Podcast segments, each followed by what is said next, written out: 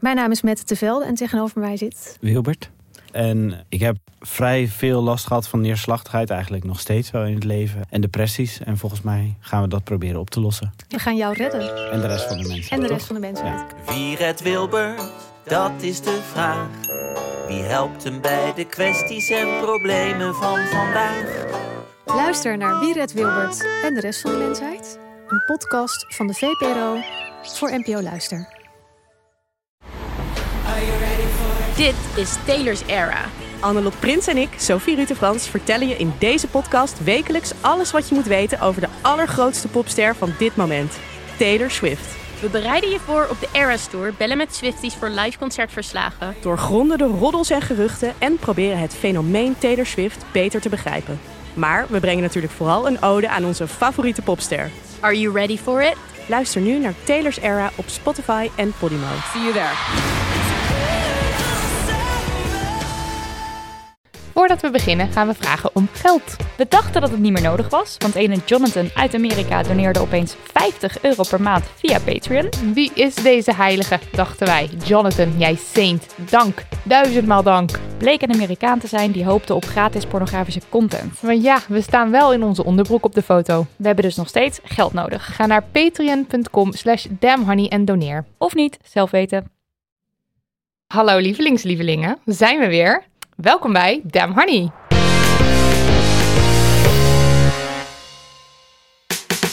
De podcast over shit waar je als vrouw van deze tijd mee moet dealen. Mijn naam is Marilotte. En ik ben Nidia. En in deze aflevering hebben wij weer eens twee gasten die met ons komen praten over dik zijn. Nummer 1, Merel Wildschut. Zij heeft een supportgroep met de naam Dikke Vinger. Erg enthousiast over. En je kent haar misschien van het immens populaire blog De Groene Meisjes. Ik heb gewoon, we hebben elkaar nog nooit eerder ontmoet in het echt, maar ik heb het gevoel dat ik je al mijn hele leven ken. Vanaf mijn geboorte bestaat het blog al zo. Dus eh, welkom Merel. Wauw, wauw. wat, wat een introductie. Dankjewel, dankjewel. En onze tweede gast, Tatjana Almouli. Je kunt haar wellicht kennen van haar deelname aan het tv-programma Obese. Dat is al heel lang geleden. Uh, maar waar je haar vooral waarschijnlijk van kent, want ze was niet te missen afgelopen week, is van haar net verschenen boek Knap voor een dik meisje. En ze is bovendien ons buurmeisje. Yes. Ik zag jou laatst op de fiets en toen heb ik bijna een man aangereden. omdat ik zo ging omkijken, zo, Tatjana! Maar jij was aan het bellen. Oh, sorry. En mij de eerste um, uh, ontmoeting ik met jou was... jou. Omdat jij heel hard tegen mij begon te schreeuwen vanuit de bloemenkraam. Dat de Honey zo leuk Ja. was. Toen dacht ik, wie is die malloot? En jij liep echt met, ik weet niet wat, volgens mij was het je verjaardagsfeestje of zo. Ja, allemaal prularia, roze. Ja, en ballonnen Ja, zeker en ballonnen, zo. ja, dat ja, die dat, dus ik was helemaal leuk. een soort van hysterisch. En Ja. toen was jij daar en toen was mijn hele Nog dag gemaakt. Ja. Yes. Nou, zometeen meer over alles rondom dik zijn. Maar eerst natuurlijk de gebruikelijke ronde. Marilotte, jij mag beginnen. Wat is het minst feministische wat je afgelopen week gedaan of gedacht hebt? Ik was in de Efteling. Dat was het. Oh! Nee, ik wil eventjes toelichten. Ik was, eh, ik was in de Efteling. En eh, nou ja, ik was in de Droomvlucht. Dat is natuurlijk een en al elfjes. eh, bereikbare vrouwtjes. Heerlijk, mooi. Nee, nee, nee, nee, nee. Super lelijke trollen. En dat zijn dan denk ik de mannen. En je hebt de Fata Morgana. En daar wordt de, de Oosterse mens voornamelijk afgebeeld als ofwel barbaars, de mannen, ofwel sensueel, de vrouwen die daar zo met jou met buik dansen. Hè? Eh, maar ja, de, de, de klap op de vuurpijl is natuurlijk Monsieur Cannibaal. Die, eh, waar dan de, ja, een soort van, van vrolijke eh, zwarte zwart figuur met dikke lippen en, en, en, en grote ronde ringen in eh, ja, zijn slachtoffers kookt in, in, in kookpotten. En er zitten Ja. natuurlijk bijna alleen maar witte mensen in die kookpotten. En het is gewoon, het is zo bizar. Een En ik- karikatuur, ja. ja, dus Ja. het was gewoon dat ik echt dacht, dit is, ik ben hier en ik zat wel eventjes ter verdediging van mezelf. Dus de hele tijd degene met wie ik was, het, het, de, de les te lecturen. lezen. De lecturen over, dit kan niet. Dus ik zat in de Pater Morgana, dat kan niet alleen maar sensueel. En dat. Dus dat is dan een beetje mijn feministische ding. Maar mijn non-feministische ding is dat ik er gewoon ook erg van genoot. Ja. Ja. Ja, voor de Efteling vind ik wel dat je kan zeggen, iedereen heeft recht op een jeugdzonde. Maar, Maar ik ga er ehm, nu nog steeds heen, hè? Ja, dat, Ik, daarom gaat het voor jou niet op. Nee, precies. Nou, maar blij met deze toevoeging. Maar wel fijn dat je het zo eerlijk opbiecht. Ja, graag gedaan. Nidia? Ja, wij hadden gisteren een gesprek met iemand die had meegewerkt aan het boek V van Vulva tot Vagina. En toevallig had ik net de dag daarvoor een story gezien van Lise Korpershoek. En die ging heel enthousiast vertellen over vulva's en dat ze eh, mede dankzij dat boek veel meer ehm, ja, gewoon zich vrij daarover voelde. En diegene met wie we zaten te praten, die kende Lise Korpershoek niet. Dus zei ik, oh, het is de vriendin van Tim Hofman. Maar terwijl je het zei, het zag erge ik je... ja, terwijl ik het zei, had ik het ook al door. En het erg is ook, ik ken Lise, ik ken haar niet persoonlijk, maar ik ken haar wel echt al heel lang. Echt lang voordat ik Tim Hofman kende. Ik Ja. vind haar altijd al fantastisch. Al haar werk, haar, nou ja. Dus het is zo raar dat je dan iemand aan de hand van de vriend eh, eh, ja, benoemt. Dus Lise, als je luistert, kom alsjeblieft een keer in de podcast vertellen hoe je wel graag eh voorgesteld wil worden aan mensen. Sorry. Merel. Ja, ik heb geroddeld over een andere vrouw van de week. Ja. En wat heb je gezegd? Ja. Mogen we dat weten? Nee, nee. niet thuis? Dat is het. Nou, nee, het was eigenlijk niet eens zo noemenswaardig. Maar terwijl ik het deed, dacht ik wel, eh, ergens eh, kan dit eigenlijk niet. En toen moest ik van jullie iets bedenken wat ik van de week had gedaan. En toen dacht ik, ja, dat, dat was wel het ergste. Dat was gewoon niet zo netjes. Nee, is niet zo netjes. Het had niet gehoeven. Zou daar gewoon echt eh, eens mee moeten stoppen. Maar ja, toch blijkt dat moeilijker dan je denkt of Ja. zo. Ja. Tatjana. Ik eh, was aan het fietsen en mijn fiets begon te pruttelen of raar te doen. En mijn, fiets, of mijn vriend fietste naast mij. En zonder eerst zelf te kijken Ja. wat ermee was, zei ik... Hé hey, schatje, kan jij even kijken wat er met mijn fiets is? en dat Heel- doe ik altijd. Ik heb nog nooit herkenbaar. zelf een band geplakt of zo. Ja. Of geprobeerd. Mm. Dit is ja, gênant herkenbaar. Iets Ja. wat denk ik elke week allemaal wel, of wij in ieder geval. Zeker. Ja. Oké, gaan we door naar post. Eh, ik ga maar gewoon voorlezen. Hoi, lieve meiden. Ik zit al super lang met een knoop in mijn maag om deze reden. Ik zing altijd luidkeels mee met Rapperboef, Broederliften, Busy, Lil Kleine, et cetera, et cetera. Tot ik me dan altijd besef dat ze eigenlijk super disrespectvol praten over vrouwen. Zoals vrouwen keg slash hoer noemen.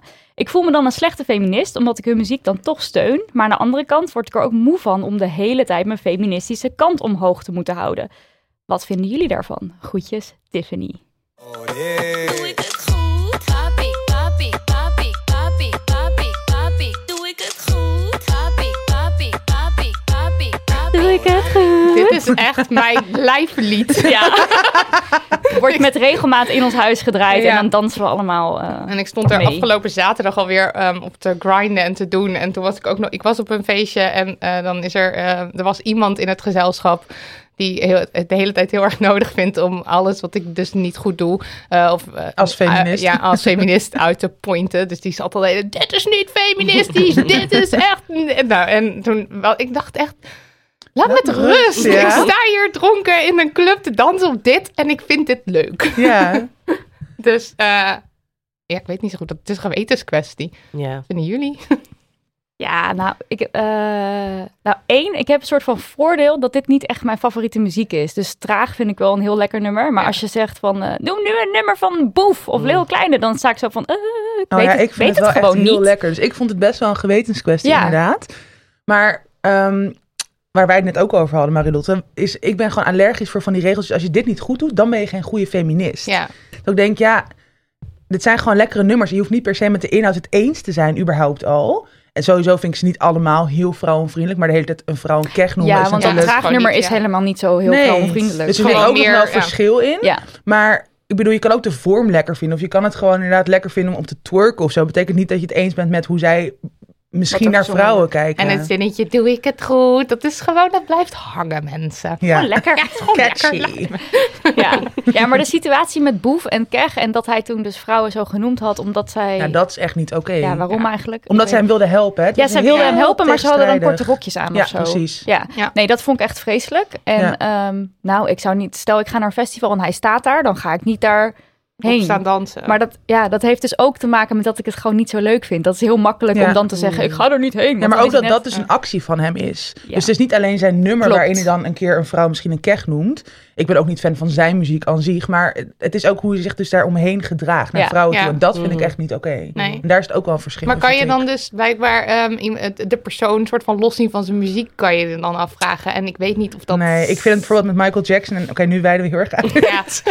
maar, dat hetzelfde vind ik met wel- R. Kelly ook Ja, en zo. Dat, ja. je, dat je Mm. denkt, dat, dat, dat, moet je, dat moet je dan gewoon niet meer doen. Niet meer Ja. luisteren, boycotten. Ja, klaar. daar En ben, dat vind ik dus wel. Ja. Maar daar, dat is nog natuurlijk wel veel kwalijker dan een keer iemand uit... Ik bedoel, ik schat ook wel eens een man uit. Ben ik dan meteen een slecht persoon die je moet boycotten? Weet je, dus Ja. daar is het ook wel... Ja, Nou, oké. Koop dat boek Doei, niet, Ik ga mensen. weg. Koop dat boek niet. Trouwens, ik vind ook nog wel dat, eh, want eh je hebt dan heel veel liedjes van mannen die dan zingen over vrouwen en allemaal vunzige zooi. Eh, waar zijn alle vrouwen die Mm. gewoon eenzelfde soort liedje? Want je nou, hebt Merel. zijn er wel hoor. Ja, maar en ook uh, ja, Merel inderdaad. Nou, van Dat ben ik Louise. niet. Ja, precies. Nee, Merel met een O. Ja, Merel. Maar ook Nicki Minaj, eh, Ja. Cardi Ja, B, dat Lizzo. waar, ja. Die Ja. gaan ook wel eh, Die gaan soms lekker. best wel hard tegen mannen hoor. Ja, en dan denk ik, kijk, als er genoeg tegengas Precies. is, eh, ga je gang, zing lekker Ja. al je non-feministische shit en dan zingen wij wel weer. De, Ja. Ik denk ook vooral van kom eens even met wat nieuws, lieve mensen. Je kan toch wel creatiever Ja. zijn Mm. in plaats van heel denigerende troep. Ja, het is gewoon heel makkelijk, ja. Maar ja, mag je het luisteren? Ja, tuurlijk, Tiffany. ga lekker twerken. Ga lekker los. Dan eh, eh, nog een poststuk. Ja. Even ter inleiding. eh, twee, drie afleveringen geleden met Devika. Was dat? Stem op een vrouw. Eh, toen hebben we het gehad over veganisme en over feminisme. En dat je eigenlijk veganist zou moet, moeten zijn als feminist. Ja, dit zeg ik goed. Eh, nou, we hebben heel veel post daarover gekregen. We werden op onze vingers getikt van alle kanten. Want onze reactie daarop was best wel hard. Ja. Marilotte vooral. Ja, ik heb het even terug zitten luisteren. En je hoort mij dus heel erg eh, zeggen... Nee, en waar eindigt het dan? En als je ook veganist moet zijn en Nou, ik vond het gewoon allemaal erg te extreem. En ik denk dus dat ik niet genoeg duidelijk heb gemaakt... dat ik het klimaat, en dierenwelzijn en de wereld... gewoon wel heel erg belangrijk vind. Ik ben gewoon mega allergisch voor regels. Als ik zo'n boek zie. En dat boek was super belerend. Het was echt een soort van feminisme is een ja, een soort level. En ook nog vanuit een man, hè? Dat van, vind ik ja, ook precies. wel gewoon echt lastig. zo. Ja, nou, dat vond ik, ik word daar mega recalcitrant van. Heb ik gewoon zin om alle rookworsten van de Hema te kopen. Dan denk ik echt, fuck you. Die Maar binnenkort ook eh, worden vegan. ja. eh, ja, oké, nou joh. ja, ik, ik ben hier voor de side notes. ja, Love it. Applaus voor Merel. Maar wacht, Maar het eh, is het, dus- ging, kijk, het was bij jou dus vooral het belerende vingertje. Maar laat was me dus even een brief voorlezen... Oh, ja. waarin even wat duidelijker wordt uitgelegd... waarom het nou niet oké was, hoe onze reactie was. Hallo geweldige mensen. Nou, met zo'n aanhef heb je me al. Ondanks dat ik natuurlijk fan ben van jullie en de podcast... wil ik toch even een kritische noot plaatsen... bij jullie interpretatie over veganisme en feminisme. Disclaimer, ik ben zelf ook geen fulltime veganist... en ook absoluut tegen elke vorm van... jij moet, gezult anders, ben je niet, bla bla bla. bla. Dus gewoon dat hele het vingertje wijzen. Maar ik denk dat het belangrijk is om ook theoretisch naar het standpunt te kijken. Ik geloof, namelijk wel dat het klopt dat veganisme en feminisme samen zouden horen te gaan. Net als feminisme en antiracisme, anti-ableism, anti-classism, anti-ageism, etc. All oppression is connected. Het gaat om het respecteren van mens en milieu in welke vorm dan ook. Daarnaast wordt steeds duidelijker dat klimaatverandering kwetsbare groepen het vaakst en het hardst treft en met name, of dus ook, vrouwen veel meer raakt dan mannen. Feminisme zonder het klimaat mee te nemen is leeg. Het is één en hetzelfde probleem. Lang verhaal kort, vanuit intersectioneel oogpunt kun je niet anders dan één, het klimaat meenemen en twee, je bekommeren om het welzijn van dieren. Het consumeren van vlees en zuivelproducten heeft grote impact op het klimaat en dierenwelzijn en zou dus beter vermeden worden. Dit betekent niet dat iedereen die nog geen veganist is, een slechte feminist is. Geen feminist is, het kwaad op aarde is en weet ik wat allemaal. Iedereen mag eigen keuzes maken en bepalen wat belangrijk is en hoe ver je gaat in de strijd voor gelijkwaardigheid. Dus het voorschrijven van veganisme voor elke feminist lijkt me zinloos en inderdaad afschrikwekkend. Net als elk ander voorschrift van hoe een feminist te zijn. Toch is het wel een valide punt en lijkt het mij belangrijk het niet zomaar weg te zetten als feminist-extremisme. Keep up the good work, kus kus, Santi. Van de bovengrondse. De Santi! bovengrondse. Hey Santi! Ja. Hey. Ja. ken ik. Ja, maar wat een goede brief. Ja. een hele goede goed. brief. Maar dit is precies, eh, zij is niet dat vingerwijzen, maar wel, misschien moet je eens nadenken over Ja. veganisme. Dan denk ik, nou, misschien moet ik eens nadenken over veganisme. Ja. Het is, het is Ja, echt een maar wat manier waarop. ook is, alles wat zij zegt, dat vinden wij dus Ja. ook. Alleen vorige Tuurlijk. keer zijn we een beetje meegesleurd in het vingertje Ja. wijzen. Dat vinden we niet oké. Ja.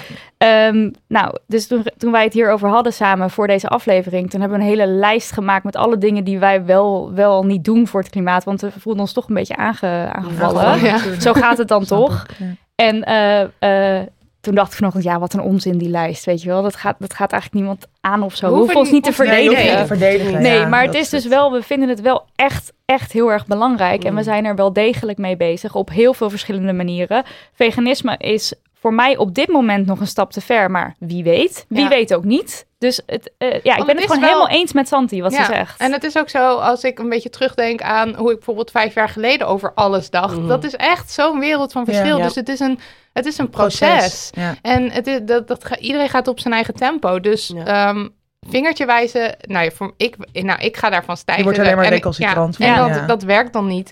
Ik denk Maar- eigenlijk dat wat er nu bewerkstelligd is, dat het voornaamste is dat je erover nadenkt kritisch. Precies. Precies. En die lijst hoef je niet voor te lezen, maar het Nee. is misschien wel goed dat je hem gemaakt Voor hebt. jezelf voor jezelf. ook. Ja, Ja. ja. en dat je ook denkt van, oh ja, daar kan ik nog een beetje beter, Ja, misschien nog mijn best op doen. Ja. Hoe is dat bij jou met het veganisme gaan? Heeft dat ooit een linkje met klimaat gehad? Of heb je een hele andere reden gehad om ooit veganist te Nou, worden? ik, eh, eh, nee hoor. Nee, eigenlijk ben ik wel vegan gaan eten omdat eh, me dat voor mijn gezondheid beter leek. Dus Mhm. ik, ik ga daar niet al te eh, heilig over doen. Eh, maar natuurlijk ben ik me steeds meer in duurzaamheid gaan verdiepen. Dus op een gegeven moment ehm, was ik er ook van overtuigd dat het een goede ehm, manier was om daar iets positiefs aan bij te dragen. Ja, Ehm, op dit moment eh, eet ik, eh, of ben ik niet meer volledig veganistisch. Omdat het nou, niet helemaal meer past in hoe ik in het leven sta of in wat goed voor mij is op dit moment. Ja. Daar, daar heb ik ook mijn persoonlijke redenen voor.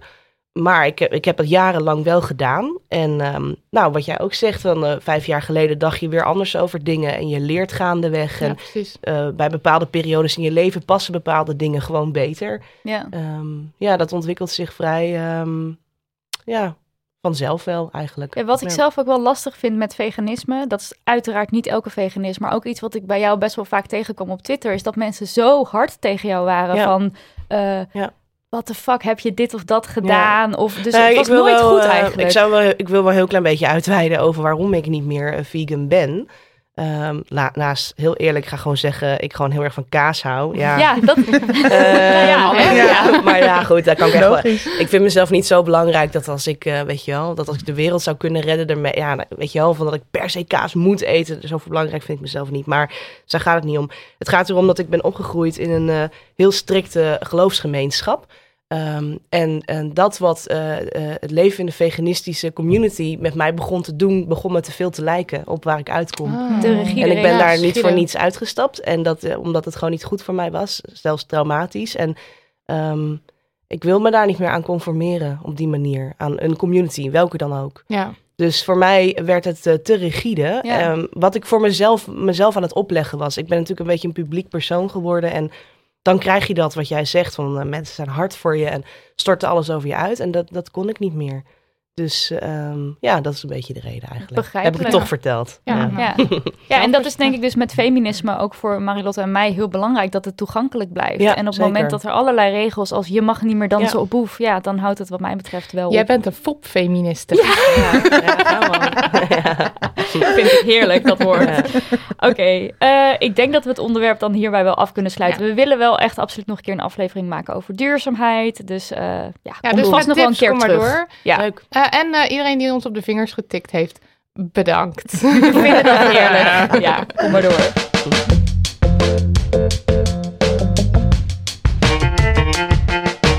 We moeten het even hebben over dik zijn.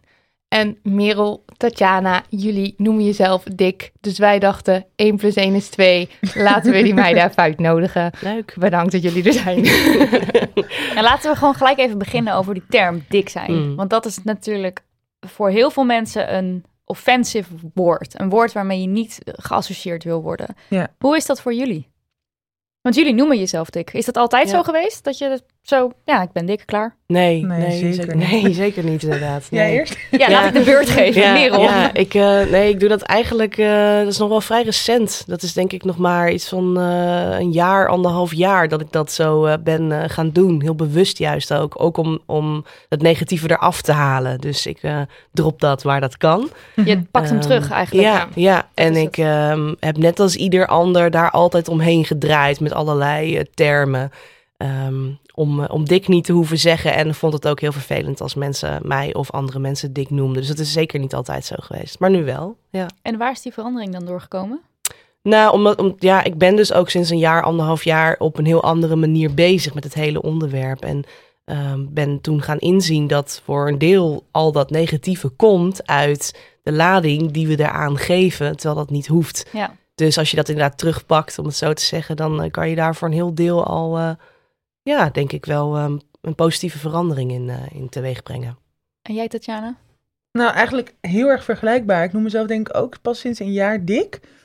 En ik merkte ook heel erg dat inderdaad mensen het heel erg moeilijk vonden om überhaupt over dit onderwerp Mm. of over dus mijn dik zijn te praten. Omdat ik het zelf ook gewoon heel erg, ik schaamde me heel erg ervoor. Dus ik had altijd in een soort van verhullende sfeer, weet je wel, een beetje ervoor verschuilen of zo. Toen dacht ik opeens, oké, als ik inderdaad zelf het erover ga hebben, zelf een soort Ja. van uit de kast kom als ja, dik ja, persoon zeker. bijna. Nee, het is vergelijkbaar. Dan kan je het er ook op een veel opener manier over hebben. En ik inderdaad, gewoon dat woord moet meer geneutraliseerd worden. Want inderdaad, door de jaren heen, door denk ik al honderden jaren, is het gewoon inderdaad een negatief woord ge- gekomen. Door al die negatieve connotaties Ja, die eraan hangen. Dat je als dik, zo, als je dik bent, dat je zogenaamd lui bent, ongedisciplineerd, Ja. dom. Heel veel negatieve ladingen. Ja. En terwijl het natuurlijk gewoon niet zo is of niet zo Mhm. hoeft te zijn. En ja, Mhm. En al was het zo. Dat Al is was nog het even zo, een tweede dan verhaal. precies, We gaan het zo denk ik ook nog wel even Ja. over hebben. Ja. Eh, en dit is dus bij, bij jullie allebei eigenlijk al een lifelong ding geweest. Het dik zijn, Ja? ja, dat zeker. Ja, ja bij mij ook. Ja. Want voor jou Ja. denk ik ook, eh Marilot, op het begin van je... Ja, nou, Leven? nieuw, nieuw. ja, dat was echt. eh, ik ben er altijd mee bezig geweest eh, met gewicht. En, en ook wel, ja, ja, ja, Ja. heel erg. En ik, ik ben me. Het woord dik is voor mij nog steeds iets wat ik, wat ik af en toe eruit vloep als Mm. iets negatiefs. Wat Mhm. ik eigenlijk heel kut vind. Want het is niet iets negatiefs, het is Ja. iets heel neutraals. Ja. En, Maar ik doe dat zelf ook nog steeds soms hoor. ja, Als ik een foto van mezelf terugzie en ik denk, oh my god, wat zie ik er dik uit. Ja. En dat betekent dat dus iets negatiefs. Ja. Ik voel me vandaag Ik voel dik. me vandaag heel dik. Ja. Ja. ik hoorde het mezelf gisteren weer zeggen. En Ja. dan denk Ja. ik, wat doe ik nou? Ja. Ja. Ik loop weer Maar dat is wel een heel erg verschil. hè. Als je daar zelf soort van denkt van, oké, Ja, wat zeg ik nou? ja. Dat het, dan zit je wel in een soort van overgangsfase. Dat het gewoon aan het ja, maar het veranderen stom is. is, want je bedoelt iets heel anders. Je Ja. bedoelt, ik heb een tijd niet bewogen en ik voel me niet ja, zo lekker. ik voel me niet fit of ik zit gewoon even niet lekker in mijn vel. Dat betekent ja. niet inderdaad Ja. dik. Ja. Ja, dus- Weten jullie dan ook nog wanneer je voor het eerst ongeveer dacht van... oh, ik ben dik en daarmee misschien ook anders? Is dat basisschool dan Ja, geweest? Ja, of zeker. Ja, ja, absoluut. eh, Heel jong. middelbare school was Middelbare het voor mij. school. Ja, echt helemaal aan het begin. En Ja. dat ik toen gewoon ben gestopt met eten. Omdat ik gewoon Mm. wilde even dun zijn als de andere meisjes in mijn klas. En daar begon zeg maar de ellende. Wordt dat dan getriggerd door, door mensen die je nou aanspreken daarop? Of, of door beelden om je heen? Of hoe gaat zoiets? Dat je voor het eerst denkt van... oh, fuck, ik ben dik, ik moet daar wat mee. Bij mij was het heel erg doordat inderdaad ook kindjes op de basisschool, ik was Ja. echt zes of zo denk ik. Echt Toen al heel ja, jong. heel jong. Echt, het begon met bijvoorbeeld dat eh, een van mijn beste vriendjes vroeger zei van, oh ja, mijn hand of mijn arm past twee keer in jouw arm. Maar dat is dan nog best wel neutraal. Dat is gewoon opmerk, weet je wel zo. Maar dat is ook wat kinderen doen dat is wat natuurlijk. kinderen doen natuurlijk. Maar ook al heel snel dat klasgenootjes zeiden van... oh, jij kan niet snel rennen, want jij bent dik. Of jij hebt een, Mm. een dikke buik. Of weet je, dat je ook meteen merkt... oké, dat is iets slecht, want ik Ja. kan inderdaad niet zo hard rennen. Of ik, ze Ja. vragen mij niet mee naar partijtjes... omdat ik inderdaad dan niet mee kan doen of zo. Ja, Maar het is niet alleen maar wat er gezegd wordt. Het zijn ook heel letterlijke dingen zoals je wil je aansluiten bij een teamsport en het grootste t-shirt past jou niet. Ja. Ja. En dat Heel is, dan kan je ja. heel jong zijn. Dan kan je inderdaad echt nog op de basisschool zitten. En dan word je al geconfronteerd met... Oh, eh, ik ben anders. Anders, ja. Want alle andere kinderen... Ik, ik was overal altijd het dikste kind. Ehm, alle andere kinderen passen daar wel in. Dus er hoeft niet eens iets gezegd te worden. Er hoeft ook niet eens iemand je te pesten. Of de- het hoeft niet eens benoemd te worden. En toch ben je dan al bewust van het feit... Oh, voor mij moet een uitzondering worden gemaakt. Ja, ik ja. ben de uitzondering. Ja. En dat is eh, heel jong je dan al. En vooral als kind is dat iets wat je niet wil. Want je wil Nee. vooral hetzelfde. En daar zal normaal je zijn. altijd bij blijven. En eh, je zult daar vanaf dan altijd schaamte voor hebben. En altijd bang voor zijn dat dat in welke denkbare situatie ook maar weer terugkomt. ja, en je hebt natuurlijk in- met basisschool, dan ben je heel jong. Dus dan heb je al die, die connotatie van dik is negatief. En Ja. dan kom je in de puberteit en dan is het natuurlijk helemaal een ramp. Ja, Ik kan me ook nog herinneren dat ik gewoon super, super zenuwachtig werd voor bijvoorbeeld als ik ging shoppen. En Ja. dan, Oh ja. en dan Ja. niks. En dan gewoon denken, Ja. ik en, en nou ja, dat op een gegeven moment maar ownen dat je Ja. niks past. En dan weet je maar erbij staan als andere mensen dingen gaan Ja. passen. Maar dat is, ja, want je lichaam verandert al. En het lichaam van je klasgenootjes ook. Dus je, je kijkt daar ook de hele dag naar. je Je hele bent- aan het vergelijken. ik weet nog hoe erg ik daarmee bezig was. Dat je dan ging kijken naar, oh, oh, eh, zij heeft al borsten en ik nog niet. Of andersom. Of, dus je bent op die leeftijd al daar zo Ja, erg mee bezig met je ja. lichaam. En dan ben je ook nog dik. Ja. Dat, dat is ingewikkeld. is niet leuk. Nee, en wat je ook zegt over de puberteit en over naar shoppen, dat is één ding. Maar ik weet ook nog precies dat dat moment dan komt hè, van, oh ja, eerste vriendjes en zo. En dat je dan al heel erg mee bezig bent van, ja, is dat, is dat, lelijk. ja, Ja. is dat wel voor mij weggelegd? Dat je Ja. super jong bent, dat je al dat soort gedachten hebt. Dat is echt heel triest. Ja, en Ja. ook het uitstellen toch van dit soort dingen. Dus Ja. bijvoorbeeld eh, intieme Oh ja, zeker. gebeurtenissen. Ja, ja, ja, absoluut. intieme gebeurtenissen. Wat zeg ik? Seks. Ja.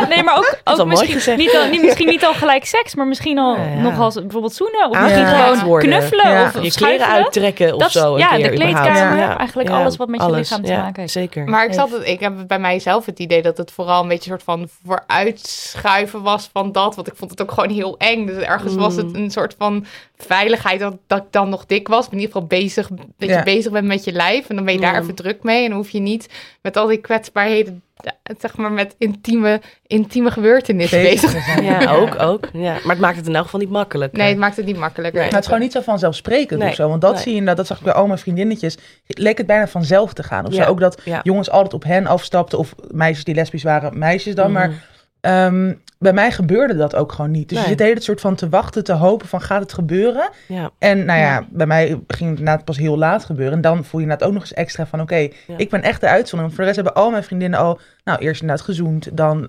Han- en spandiensten gedaan. dan gewoon echt Ja, seks gehad. ja. Dan een relatie. Weet je, dat ging allemaal een soort Ja. van...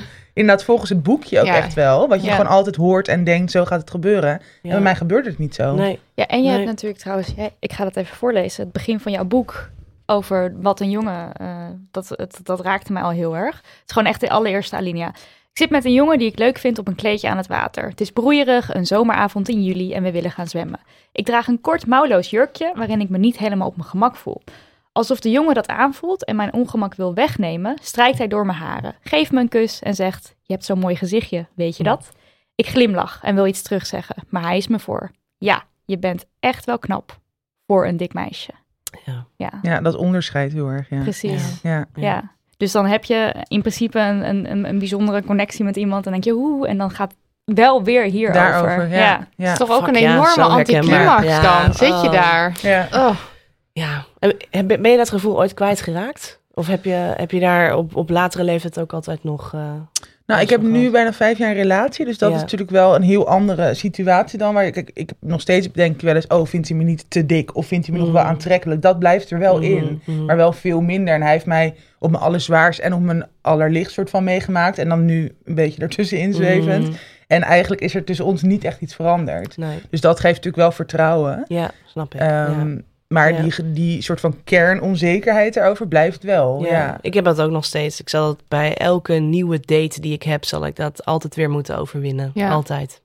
Volgens mij heb ik laatst een podcast met jou geluisterd over dat je dan op, eh, op, een, op een app, Ja. dat je dan liever swipte naar vrouwen die misschien zelf ook dik Ja, ja, waren. ik deed met vrouwen inderdaad. En ik dan, weet eh, even niet meer op eh, welke podcast. Ja, dat was die podcast over seksualiteit, die op je huid of zo. Marije- met. Marije ja, Jansen, ja. ja. ja. Echt een aanrader trouwens, die Ja, was podcast. ook heel leuk om te doen. maar ja. ja, Eh, maar ehm, dat klopt. Ja, op, op een Tinder heb ik eh, heel lang eh, alleen maar dikke vrouwen geliked. Omdat ik dan dacht, ja, dat is dan veiliger. Want ja, ze is zelf dik, dus ze kan daar niks van zeggen.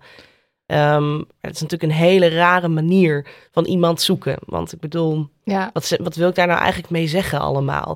Dus daar ben ik wel mee opgehouden. Maar toch, ja, als ik nu een date heb met iemand, een eerste date, zal ik altijd eerst door dat idee heen moeten van, ja, maar kijken weer, hè? Wat, wat dit dan weer Wat zij brengt. van mij Ja. vindt. Wat, ja, of het een issue is Ja. of niet. Dat, dat dik zijn is er nooit niet. Het is er altijd. ja, en je hebt ook nog in je boek, dan beschrijf je ook nog mannen die, er dan wel, die daar dan wel op geilen. ja, dat Die het op wel die een manier. Dus is. dat je dat Ja. ook nog hebt. Dat je Ja. mannen hebt die echt niks met jou verder willen. Ja, maar die alleen maar, lichaam- geilen op een dik lichaam. En dat Ja. wil je ook niet. Nee. Dus dat was heel erg, inderdaad, voordat ik dan deze relatie kreeg. Ik had ook nooit dus een relatie gehad hiervoor. Wel inderdaad scharrels, maar dan was het heel vaak... Of inderdaad mannen die toch het een issue laten zijn of zo. Ja. Niet letterlijk tegen je zeggen, je moet afvallen. Dat heb ik ook wel van heel veel andere vrouwen gehoord. Maar dat had ik dan niet. Maar wel dan zo'n opmerking maken, wel dat onderscheid. Of dus inderdaad heel erg dat ze gewoon alleen maar seks met je willen... omdat je dan dik bent. En dat inderdaad, Ja. dan gaat het ook niet om jou als persoon. Dus heel erg die soort van twee kanten. Dat hoor je wel echt vaak in ieder geval... In, of van, vanuit heteroseksuele mannen. ja. Dat dat een beetje... Oh, ik ben ook wel eens met een vrouw dat geweest. vrouwen ja, ook zo jawel, is. tuurlijk ook. Maar Ja. minder, denk ik wel. Maar ik ben ook wel eens met een, met een, eh, een meisje geweest die dan ook inderdaad... Als ik keek naar met wie zij geweest was, dan waren het allemaal dikke vrouwen. En zij was zelf dun. En ehm, Dat vond ik ook ingewikkeld. Omdat Ja. ik dan weer ga denken, oh, is het dan alleen maar vanwege Vanwege mijn dik zijn? Ja. Dat, je, dat je me wil vanwege mijn dik zijn. Ja, heel ingewikkeld. Ja. Ja. Het is Ja. gewoon het feit dat je zo over jezelf denkt en dat dik zijn zo negatief is, Ja. maakt dat gewoon alles ingewikkeld wordt. Maar ook doordat je dus inderdaad merkt dat... Dat komt echt wel door hoe mensen zijn of hoe zij op jou reageren. Het is niet dat je dat natuurlijk zelf bedenkt Nee, of nee, zo, nee, hoe je daar zelf Mhm. Ja, inderdaad een groter issue van maakt. Misschien in sommige situaties wel, maar dat is dan gevoed uit eerdere gebeurtenissen of Ja, ervaringen. Ja. misschien even, even een rondje. Ja. Met wat momenten eh, waarop je dus aangesproken werd op een nare manier. En overigens, ik ben dus, ik heb van mezelf een heel slank lichaamspostuur. Maar ook bij mij, ik, ik, wil absoluut niet het pakken hoor. Maar ook bij mij heb ik dus opmerkingen gekregen van zomaar een buurman, zomaar een collega van je bent dik geworden. Ja. Mm. Eh, en dat is dus in mijn geval nog eh, heel uitzonderlijk. Terwijl het voor jullie misschien wel op een gegeven moment dagelijkse situaties waren. Maar mensen zijn zo geneigd om gewoon maar te zeggen over. Over jouw lichaam wat ze ervan vinden. Wat natuurlijk bizar is. Ja. Eh, maar kunnen jullie wat voorbeelden geven uit jullie dagelijks leven dat het. Dat nu dit- of dat- vroeger? van vroeger. Van, ja. Ja, dat er opmerkingen, dingen gebeurden die allerlei ja, processen in je hoofd in gang hebben gezet. Waardoor je dus zelfhaat of onzekerheid ontwikkelde. Nou, er is één moment, ik laat even in het midden wie het was, maar het was wel iemand dichtbij. En ehm, ik weet nog dat ik, ehm, ik moest op het podium, ik moest iets doen. Ik was zenuwachtig, eh, nou, ik deed het, was wel trots dat ik had gedaan. We zaten, ik zat in de auto terug en toen zei diegene tegen mij, ik heb, eh, dat hij zich wel een beetje schaamde. Vanwege uiterlijk. Mm. En ehm, die opmerking, denk dat hij het zelf niet meer weet, is wel echt heel erg blijven hangen. Ja. Nooit meer vergeten. Super pijnlijk. Ja, en te- dat is wel, want dan, want dan overwin je dus al iets omdat je op het podium moest. En dan krijg je, word je dus afgerekend op je uiterlijk. Ja. Ja, ja super pijnlijk. Ja. Ja. Van de week eh, haalde ik nog een herinnering op van een docent die eh, ik won een of andere taalopdracht in de klas. En ik, eh, of ik had de hoogste score en dan verdiende je een Snickers. En toen moest ik hem voor in de klas komen ophalen. En toen zei die docent tegenover staan van heel de klas: Ja, was je niet al dik genoeg? Maar hier heb je hem hoor. Oh, ja. Ja, weet je, dat, dat zijn allemaal van die traumatische herinneringen. Maar Ja. eerlijk gezegd, veel recenter vind ik de andere kant op minstens even pijnlijk. Dat als ik ergens binnenkom, dat mensen dan bijvoorbeeld beginnen te kirren over hoe goed ik eruit zie. Ehm, en dat ze dan meteen daarachteraan vragen, ben je afgevallen? Oh ja, ja. Ja. Dat vind ik minstens net zo pijnlijk. Ja. Omdat blijkbaar ik er alleen maar goed uit kan zien als ik afgevallen ben. Ja. Ja. dit is iets heel herkenbaars. Ook Ja. een van de vrouwen in jouw boek, Tatjana, Anoushka, die dan Ja. eh, het voorbeeld aandraagt van dat zij op een gegeven moment heel erg ziek is. En dan valt Ja. ze echt enorm veel kilo Ja. af. En dan is iedereen van, eh, oh, wat zie je er goed uit, terwijl zij op dat moment doodziek was. Ja. Ja, dat het dus eigenlijk niet uitmaakt wat voor, in wat voor Nee. situatie je Nee. verkeert. Of het inderdaad echt goed of echt slecht gaat. Ja. Maar als je eenmaal Als je maar dun bent. Ja. dun dat dun is het belangrijkste. Dat is Ja. de Dun hoogste is, dun is goed. Dun is gewoon goed. Ja. Ja. Maakt niet uit. Ja. En ook eh, heb ik meegemaakt na een break-up dat ik echt in duizend stukken lag en er echt, echt heel slecht uitzag. Maar inderdaad wel 10 kilo lichter was, omdat ik niet kon eten van alle ellende. Zie je er goed uit? Nou, Ja. deze, die, god, die break-up heeft hij wel goed gedaan. Mm. Ja. Dus ja, hou maar op. Ja. We kunnen zo doorgaan. Ja. ja, ik heb inderdaad, ik heb ook echt honderden. Ja, je boek, Ja. je boek Ja. staat hier vol mee. Ja, Ja. ja. Je hebt een boek geschreven. Ja, dus lees het boek maar gewoon.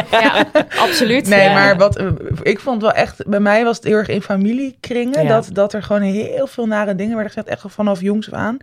En ehm, ja, wat gewoon echt voor mij de pijnlijkste was, en ook echt een trauma geworden, dat ik als tien of elfjarig meisje naar mijn oma in Engeland ging. Ehm, echt ook wel zo- zo'n strenge Joegoslavische vrouw. En ehm, dat zij mij gewoon echt zo van top tot teen aankeek. Ik kwam net binnen, ik stond met met, in mijn reisklofje met, met mijn koffers.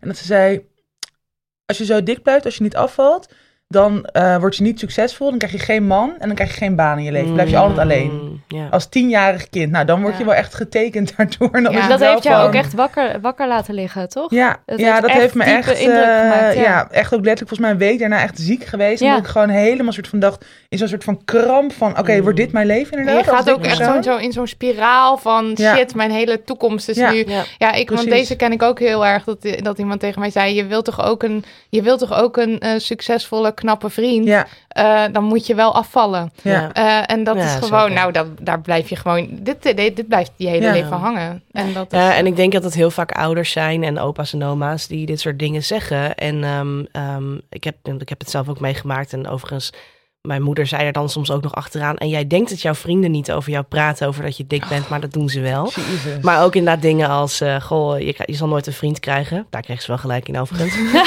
Ehm, maar, eh, goed. Bij mij ook trouwens. Maar ehm, ehm, eh, kijk, ik probeer daar tegenwoordig ietsje meer vrede mee te krijgen door te denken dat ouders en verzorgers en familieleden eh, ja, het beste voor hun kind willen, Ja. maar niet weten hoe ze dat moeten overbrengen op een positieve manier. En dan wordt het altijd een hele afkeurende, afstraffende manier, waardoor je als kind je alleen maar ellendiger voelt en eigenlijk alleen maar, nou ja, so- soms ook meer wil gaan eten en dikker zal worden en Ja. Ja. het alleen maar gaat bevestigen of verergeren. Maar ja, ik probeer dat in gedachten te houden. Dat het Ja. ergens uit een plek van Het komt, bezorgdheid het, ja, komt. Ze hebben het Ja. beste met je voor. En ook omdat ze weten hoe de samenleving inderdaad naar dikke Ja, mensen ja, kijkt ja. en over dik zijn is. Ja. Dat is Ja. natuurlijk ook al zo lang als zij Hangt allemaal leven. samen. Ja, dat hangt Ja. allemaal samen. Ja. ja. Maar ja, ik geloof inderdaad, ik ben het heel erg met jou eens, maar ik geloof wel dat er echt een andere manier absoluut. mogelijk is. En Ja, dat je gewoon zeker. in die negatieve, negativiteit gaat het nooit veranderen of ga je Ja. nooit iets goeds daaruit Ik hoop dat wij dat allemaal anders gaan doen. Ja, en onze hoe zou je dat dan generatie. Ja. Voor bijvoorbeeld een moeder die luistert, die denkt, oh ja, nou wat dan? Tell me. Ja. Of een vader. Hey. nice. Heel goed, heel goed. Ja. Ja, kijk, er, er zijn natuurlijk heel veel, eh, heel veel meer ook wel echt dan vroeger positieve voorbeelden te vinden. Hè? Online, er worden boeken geschreven over dit onderwerp. Ehm, eh, het Ook is steeds meer inmiddels... series en Ja, films. precies. Er is veel meer representatie, gelukkig. Ja. Dus Een ik, van de belangrijkste dingen. ja, Ja, ik denk dat dat heel belangrijk is om daar met je kind of met wie je dan ook eh, opvoedt, eh, wat het ook van je is, neefjes, nichtjes, buur, Mhm, buurkinderen, Ja. of je leerlingen, hè? je kan ook docent Ja. zijn en hier iets in bijdragen. Om ze te laten kijken naar positieve voorbeelden van dikke mensen die wel succesvol zijn, wel de liefde vinden, wel gelukkig zijn. Ehm, en het dan maar eens een beetje te gaan leren loslaten. Dat je dat kind moet willen veranderen. Want ik vind ook helemaal niet dat een kind of wij zouden moeten veranderen. Nee, het is de maatschappij die moet veranderen in hoe je daarmee omgaat. Dus ik zou, als ik in die positie kom, zoveel mogelijk positieve voorbeelden laten zien. En we hebben natuurlijk ook heel lang gekeken naar films waarin de dikke persoon Ja. de, de haha sidekick Ja, was, die nooit de liefde zou Ja, vinden en die er alleen maar is voor de komische noot omdat Ja. ze valt of weet ik veel iets. Als ja, ze er al eh, zijn. Ja, Als- Ja, ja, tuurlijk, Ja. ja. tuurlijk, ja. ja, of ze zijn de slechterik in Disney-films Precies, of zo. Ursula. Oh ja, Ursula. Ja, Ja. Ursula, ja. Mhm, mhm. Dus dat is, eh, je, je ziet, je, je hebt gewoon niet een positief voorbeeld daarin. Nee. Ja. Precies. En gelukkig verandert er op dat gebied natuurlijk momenteel überhaupt heel veel. Ja, Met representatie in series en films. En eh, niet alleen maar van dikke mensen, maar bijvoorbeeld ook van mensen van kleur of eh, ja, queer people. Daar ben ik heel blij om dat dat eh, steeds meer gebeurt. Maar je moet dat wel dan ook eh, aandragen. Je moet dat ook aanbieden ja, aan Ja. kinderen Ja. en jongeren. Want eh, het- er is natuurlijk nog steeds een overkill van de andere kant. Ja. Tuurlijk, ja. Het gaat Ja. heel Het langzaam. gaat Ja, langzaam, ja, ja. ja. Maar, en als je het, maar als je het zelf opzoekt, dan, dan gaat het sneller. Ja, dus ik zou zeker. gewoon elke ouder willen aanraden om op zoek te gaan Ja. ook naar dat soort Ja, voorbeelden. en het er. luisteren. Luister Ja. naar wat mensen te vertellen hebben. Want Ja. de stereotype dingen die jullie net al noemden, van dat je dan eh, eh, niet gedisciplineerd of lui bent, dat Ja. soort dingen. Daar blijven mensen zo in hangen, omdat ze vanuit zichzelf niet kunnen voorstellen dat ze dik zijn, eh, Ja. terwijl ze gezond leven. Mhm, Ja. mhm. Ehm, en als je dus niet luistert naar mensen die gewoon vertellen over, over hun lichaam en over hun leven, dan ja. Ja, blijf je hangen in je eigen vooroordelen. Ja. Precies. Ja. Ja. Ja. Nou en in de first place moeten ouders natuurlijk ook leren luisteren naar hun kinderen. Precies. Ja, want dat is het ook heel erg. Ehm, Ik heb, ja. als ik naar mijn eigen jeugd kijk, eh, mijn familie, alle dit soort negatieve opmerkingen, altijd van je moet op dieet, je moet niet zoveel eten, je moet niet dit, je moet niet dat doen. Ja. Maar nooit aan mij vragen, hoe voel jij je eigenlijk? Ja. Hoe gaat het met jou? Ja. Ja. Ja. Waarom? Want ik kreeg op een gegeven moment inderdaad ook al best wel vroeg eetbuien. Dus ik Ja. ging ook veel eten. Ja. Maar ze vroegen nooit aan mij, waar komt dat Ja. vandaan? Nee, het Ja. is altijd, je eet te veel. Ja. Maar reken maar dat dat dat ergens simplisme. vandaan Ja, komt precies. hoor. Want het is eh, Tuurlijk. gewoon wegstoppen van alles. En Ja. even rust. Ja. Even rust. Ja, want die Ja. eetbuien, misschien kunnen jullie daar ook iets meer over vertellen. Want ik denk dat veel mensen denken dat eetbuien iets leuks Ja, is. gewoon lekker eten. Ja, dus oh, lekker even een Tony, even lekker een zakje chips. Ja. Nee, het is echt de hel. Want nou ja, nou ja, het is wel echt de hel. Ja. Want je, je voelt je er gewoon heel erg kut door. En, ehm, en, en, en ik, ik, het is al een hele tijd geleden, maar het is wel zo dat al- toen ik ze nog had, de hele dag draaide dan om eten. Want soms was ik hem al aan het plannen voor die avond, als ik dan een kutdag had. En dan ging ik gewoon al helemaal uitdenken, oké, straks dan ben- dan fiets, ga ik, dan neem ik drie uur vrij en dan fiets ik langs de supermarkt. Dan koop ik dat en dat en dat en dan dat. Ja. En dan ga ik naar mijn slaapkamer en dan heb ik ongeveer tot vier uur en dan komt mijn vader thuis. En dan eh, moet ik dus in twee uur Ja. alles eten en alles daarna ja. verstoppen. En dan, en dan Ja. moet je weer doen of het normaal is. Dus het is Dat is eenzaam, veel- Ja, Dat het is eenzaam. eenzaam. Ja. Het is ehm, stressvol. Het is alweer, weet je, je, kan, je sociale leven wordt er ook echt. Want je gaat liever eten dan dat je met je vrienden iets gaat Ja. doen. Het is echt niet iets leuks. Nee. Nee. En toch haal je er troost uit op een bepaalde manier. Hmm. Ik, ik, heb, eh, ik heb dat nooit gehad. Ik ben zo'n dikke iemand die en geen medische excuus heeft, geen medicijnen slikt waardoor ze dik is geworden en ook geen eetstoornis heeft of heeft gehad. Ik ben gewoon dik. Dus ik, eh, als ik dit soort dingen hoor en hoe mensen daarover praten, vind ik dat heel pijnlijk. Ja. Mensen echt denken dat dat eh, een grapje is of een keuze, maar dat is natuurlijk niet zo. Op geen enkele manier. Ik probeer me daar ook heel erg Ja. van bewust te zijn. Van, Ja. ja. Maar ja, voor jou is het ook geen keuze. Nee.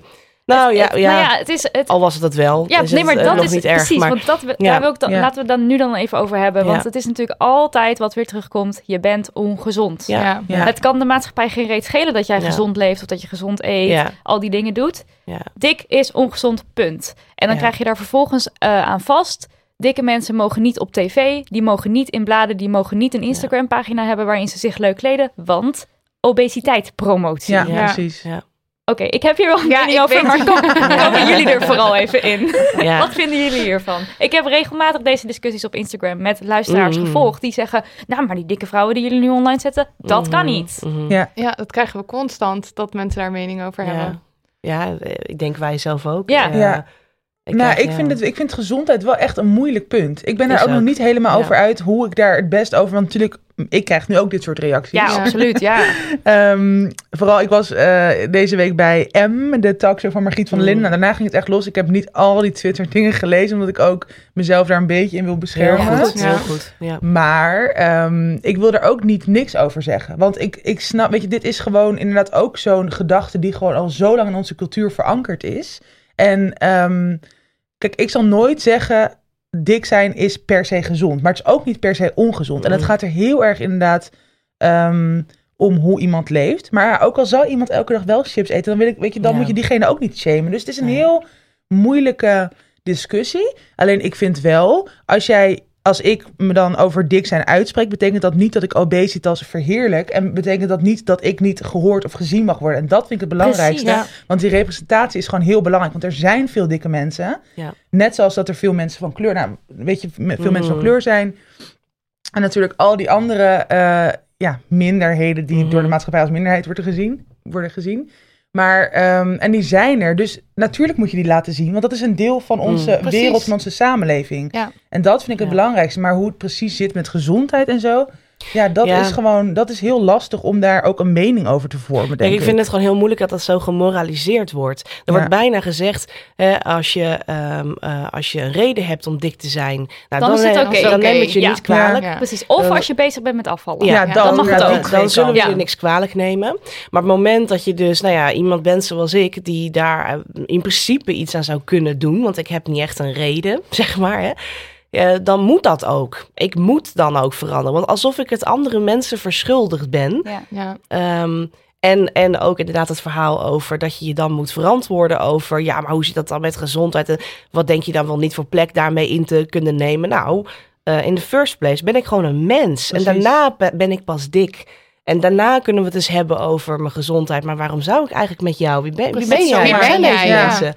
Ehm, dus ik, ik vind dat heel lastig. Ik, ik, eh, ja, Het is toch ook opvallend dat mensen het altijd over gezondheid hebben Ja. op het moment dat ze een dik iemand zien, terwijl ze zich er verder totaal niet om bekommeren. nee, precies. Want als ik vanuit mezelf spreek, de afgelopen tijd heb ik heel veel stress. Dat is heel Mhm. ongezond. Ja, Ik ben ook als een gek aan het eten, maar niemand maakt er een Ja, opmerking over, precies. want niemand die ziet dat Nee. verder aan mij, Nee. terwijl het helemaal niet gezond is. Nee.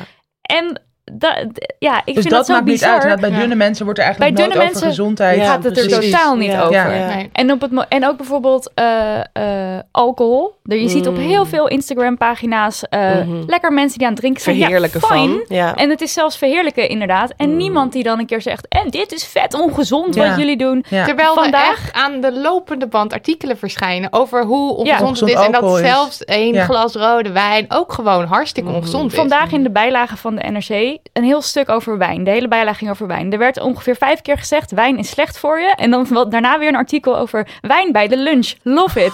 En dan vervolgens kwam er, eh, was er een lunchgesprek met het bonnetje wat ze dan gedronken hadden. Zes glazen alcohol. Ja. Ja, what the fuck, weet je wel. Mhm. Eh, hoezo ga je opeens bij dik zijn de moraalridder uithangen die zegt... oh, en je moet echt op je gezondheid letten. Ja. En eh, over al die andere dingen, al die promotie van cola, van al, nou, dingen Ja. waarvan we eigenlijk Ja. wel met z'n allen Ja, weten, niet heel niet goed gezond, voor je, ja. vinden we allemaal prima. Nou, ik word er dus Nou ja, woest van. Ik weet wel waarom dat is, omdat het zo zichtbaar is. Precies. Ja, Het is echt in je face. Precies, Ja. maar Ik op bedoel, het je moment- kunt niet om ons heen. Dus Ja. je wordt geconfronteerd met iets. En dan projecteer je misschien wel iets op jezelf. En daar voel je je dan misschien beroerd over. En dan moet je daar iets over zeggen. Ja. Ja, dat is dan nodig. Ja, dat is wat er gebeurt. Terwijl als deze mensen zich echt zo er druk om maken, ga eventjes eh, de EU aanschrijven dat je geen reclame meer mag maken voor cola. Precies. Ja. Ja. Doe, Maar daar- neem eventjes maatregelen die Ja. gewoon voor iedereen gelden dan. Want het heeft Ja. er heel erg mee, mee te maken dat je dus dikke mensen heel erg... ehm, dat, dat is ook die gedachte van, als je dik bent, is het je eigen schuld. Dikke Ja, het ligt ja, helemaal ja, je eigen handen. Je, bent- het is ma- een, een dun lichaam is maakbaar. Oh, hangt ook met die moraliteit na, samen, wat jij net zei. Merel. Maar ehm, inderdaad, er zitten natuurlijk heel veel industrieën achter. Ook de dieetindustrie, die eigenlijk super averechts werkt.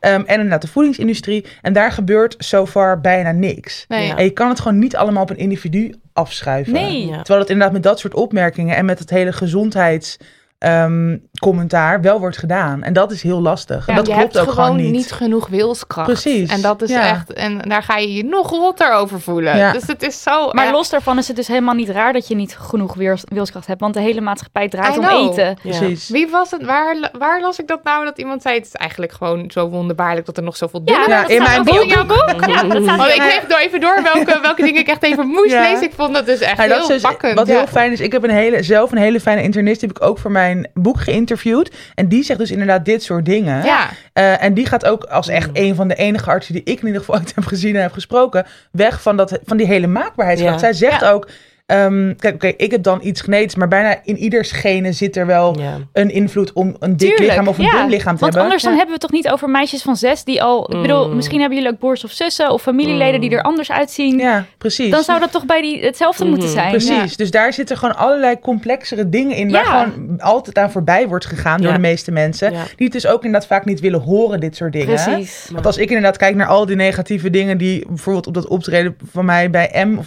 optreden, gesprek, kwamen bij M... Ja, het was gewoon performance.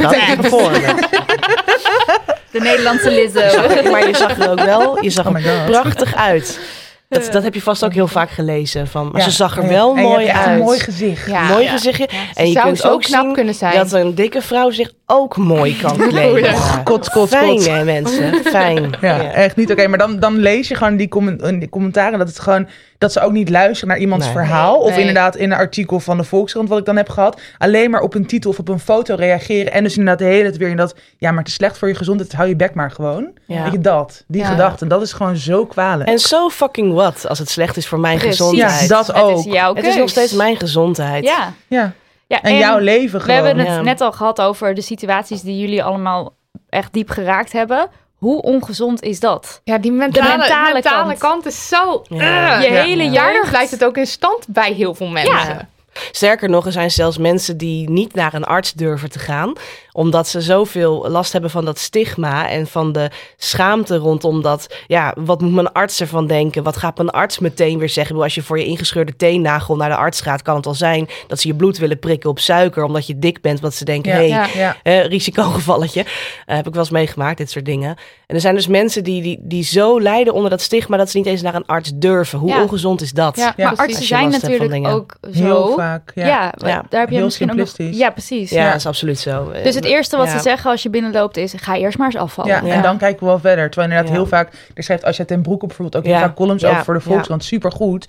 Die schrijft ook inderdaad dat zij, zij is volgens mij chronisch ziek. En Ja. dat heeft dan echt, ja, volgens mij niks met haar overgewicht te maken. Nee, Maar ook als ze met ja. andere klachten er naartoe komt, dat het altijd in eerste instantie gaat, ja, ga eerst maar afvallen. Ja. En dan, kijk, dan, dan nemen we je pas serieus. Dat Ja. ook. Je wordt gewoon heel vaak zo niet serieus genomen, ook Ja. niet door experts. En dat is inderdaad, ja, heel naar. Ja. Laatst oké. bij, eh, bij de supportgroep Dikke Vinger van Ja. mij... hadden we daar een heel avondvullend programma over. Over dik zijn in de medische wereld.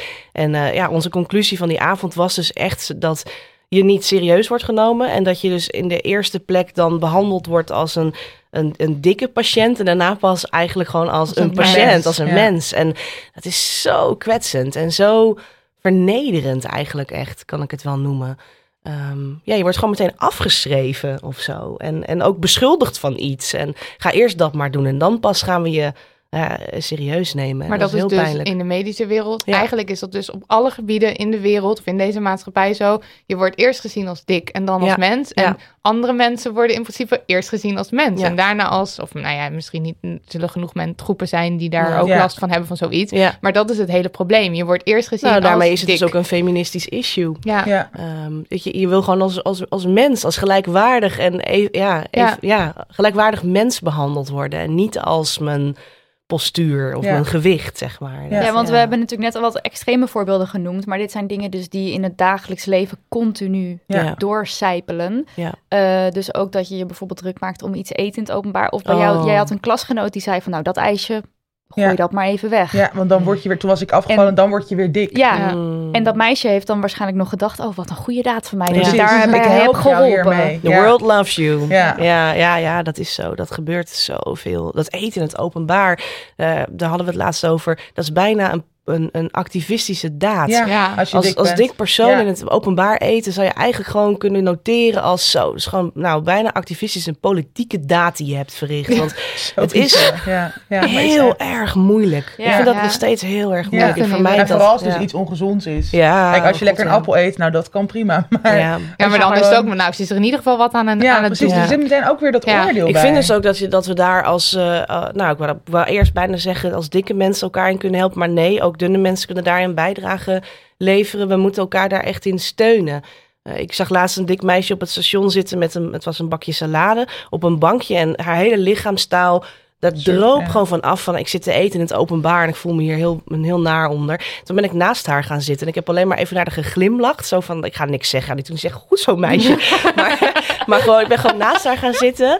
Eigenlijk letterlijk om haar wat dekking te bieden. Zo van, oh, ik weet zo goed hoe, je, je voelt. voelt. Eten in het openbaar is super ingewikkeld. En toen dacht ik, dit, dit, dit soort dingen zouden we vaker moeten doen. Gewoon, als het even kan, elkaar wat dekking bieden daarin. Want het is, ja... Ja, want de, is heel blik- eenzaam. de blikken van mensen, je voelt ze Ja. gewoon heel erg. Ja. En nou heb ik zelf, als ik, eh, ik sta alles te eten in het openbaar, want ik heb zelf niet nu het idee dat daar Mm. ehm, enige starende blikken zijn. Mm. Maar inderdaad, ehm, alleen al het feit dat ik zelf soms dit soort gedachten kan hebben over Ja. mensen, maakt dat ik zeker weet dat er dat de starende blikken die zijn er. Dus je moet Ja. eventjes naar iemand toestappen of je moet even Ja. naast iemand. Ja. Je hoeft inderdaad niks te doen. Dat is Nee, een hele goede zeggen, praktische maar- tip Ja, eigenlijk. ja, gewoon om het niet te negeren of Ja. zo. Ja. Gewoon een, ja, een beetje dekking bieden. Ja. Of een beetje beschutting zou ik willen Ja. zeggen. Mooi. Ja. Ja. Nog heel even over je supportgroep. Want Ja. wat, wat is het? Hoe is het ontstaan? Ja. Nou, het, is niet, het is niet overigens mijn supportgroep. Ik heb het opgericht met mijn collega eh, Non van Adem In. Dat is een stiltecafé in Rotterdam waar ik eh, vrijwilliger was en, eh, of ben. Ehm, en eh, dat is ontstaan vanuit het idee dat er eigenlijk supportgroups zijn voor allerhande onderwerpen. En eh, mijn collega Non is ook iemand die zelf, zeg maar, ehm, ja, alle, alle hokjes kan tikken en overal op elk gebied wel activistisch was. En toen kwamen we tot de conclusie, maar over dik zijn praten we nooit. Eh, dat is misschien wel het laatste taboe of zo. Of een soort schaamte die daar voor onszelf ook nog van uitging. Toen dachten we, nou, er zullen vast meer mensen zijn die daar last van hebben. Ze hebben gewoon zo'n oproepje gedaan op Facebook. En de eerste, eerste keer zaten we meteen al met eh 15 eh, mensen of zo. Om gewoon te praten over eh, dik gerelateerde onderwerpen, zeg ik altijd. Dus we hebben één keer in de zes weken een bijeenkomst. En dan, eh, ja, dan praten we over bijvoorbeeld dik zijn en daten. Of dik zijn in de medische wereld. Of dik zijn aan je familie. Of dat soort dingen. Eh, en dan eh, hebben we daar een eh, avondvullend programma over. En daarnaast zijn er ook andere activiteiten. Inmiddels hebben we ook dikke vinger yoga. Omdat het prettig is om met mensen Ja. die ook dik zijn yoga te doen. Of kledingruilfeestjes. Nou ja, noem het maar op. Allemaal hartstikke leuk. Maar de kern is, één keer in de zes weken komen we bij elkaar. Om te inhoudelijk een gesprek te hebben. Ja. En, en de onderwerpen worden van tevoren dan bekendgemaakt. Ja. Dan kan je er een beetje over nadenken. Ja, en dan, ja eh, je mag een casus inbrengen. Of een vraag meenemen. Of, eh, ja, En dan wordt er over gepraat. Ja, ja.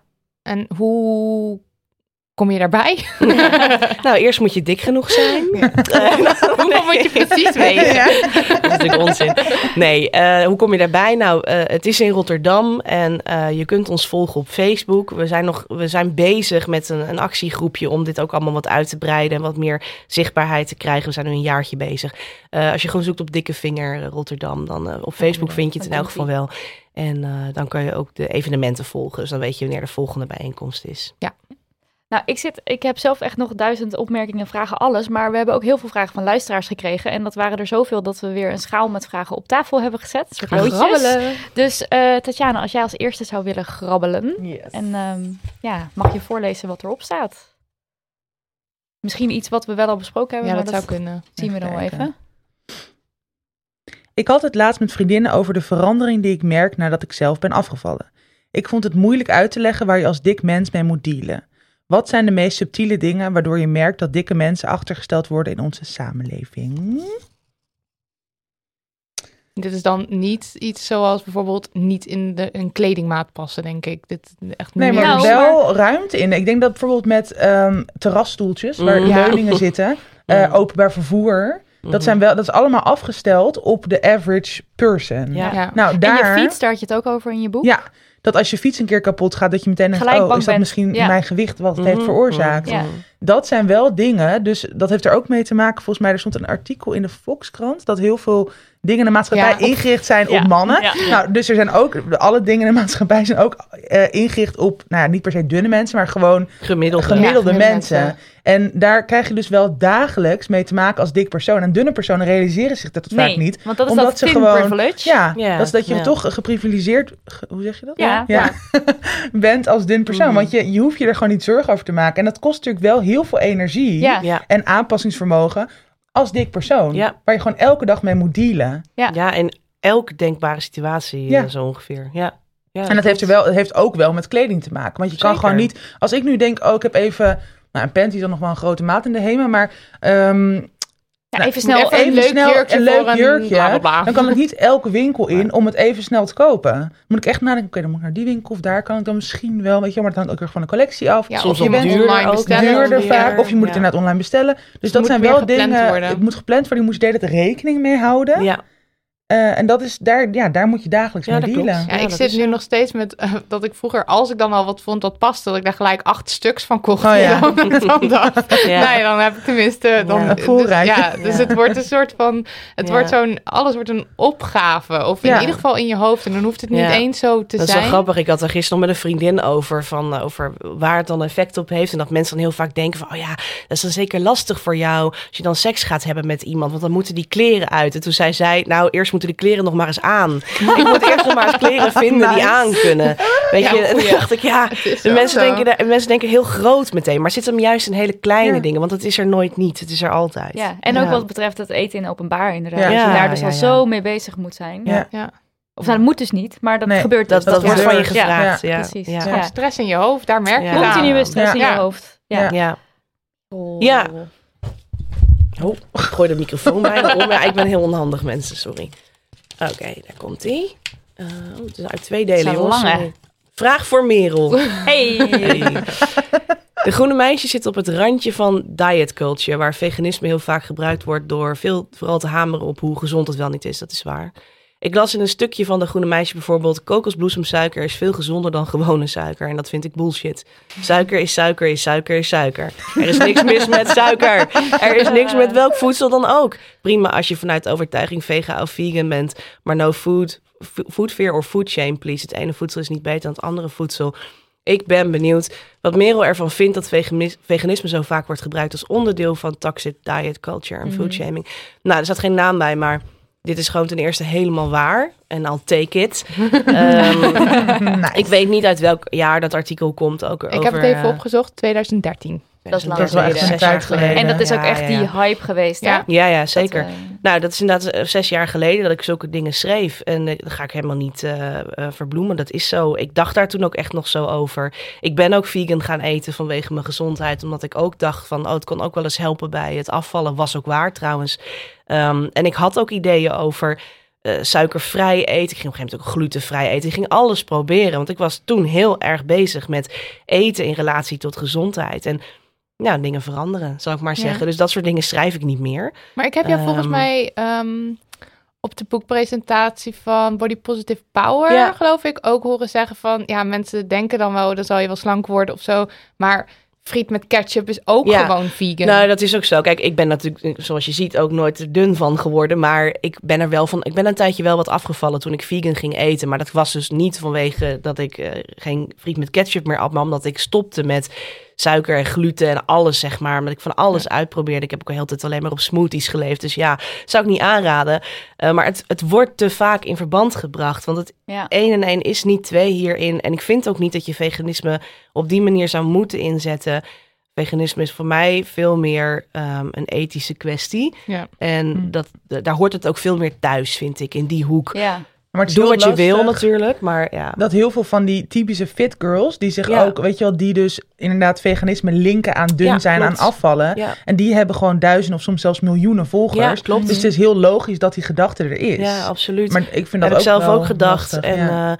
En dat ik dit soort dingen geschreven heb, eh, ja, dat, daar ga, ja, dat is gewoon zo. Dat Ja. was in zes jaar geleden gewoon echt hoe ik erover dacht. En dat zou ik nu nooit meer doen. Dingen veranderen. Ja, ik ging daar you ook heel erg mee, hoor. Ja, Ja, Ja, heb ook tuurlijk, wel ik bij ook. iedereen. Absoluut, ja. ja, ja. Het, het, maar wat dat er gaat, kan veganisme dus ook ja, voor sommige mensen een gevaarlijk iets zijn. Zo van, oh Ja. nee, ik hoef dat niet, want ik ben veganistisch. Ja, Ja. Ik, ik, dat het een makkelijke manier elke, kan zijn om weer met je continue obsessie met eten Ja, maar dat is ook die te rigide kant die jij Ja, net ook al precies. benoemde. Ja. elke vorm van eten op die manier, eh, daar iets aanhangen van een ander gewicht dan Ja. dat wat het eigenlijk in de, in de, Ja. in de origine heeft, is gevaarlijk. Ja. Zeker voor mensen, obsessief. Precies, Ja. zeker voor mensen die al een moeizame verhouding tot eten hebben, Ja. zoals ik dat ook heb. Ja. Ja. Ik heb mezelf ook echt heel erg meegegaan in die eh, hele cultuur met groene smoothies en weet ik veel wat Ja. van ongeveer zes jaar Ja, geleden. en op een gegeven moment kregen wij een huisgenoot, Chia staat alles, Everywhere. kregen wij een huisgenoot en die eten de hele tijd door eh piccolini's en eh, eh, p- puddingjes en zo. Grappig dat jij zegt ongegeneerd. Ja, maar dat Ja. is het. Ja. Maar, want wij, Ja. wij, zijn er, wij eten het ook. Ja, maar als Ja. ik Maar altijd Maar dat Laat me even mijn verhaal afmaken. Laat me even mijn verhaal afmaken. Want ik weet echt dat ik op het begin dacht van...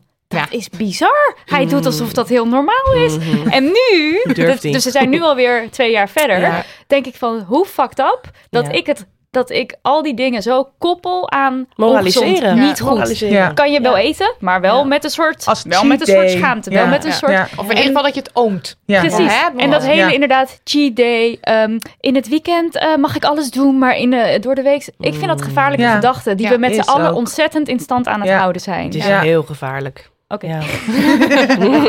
Go girl. Eh, zal ik ook even vragen trekken? Oké. Eh, oh, weer een lang verhaal.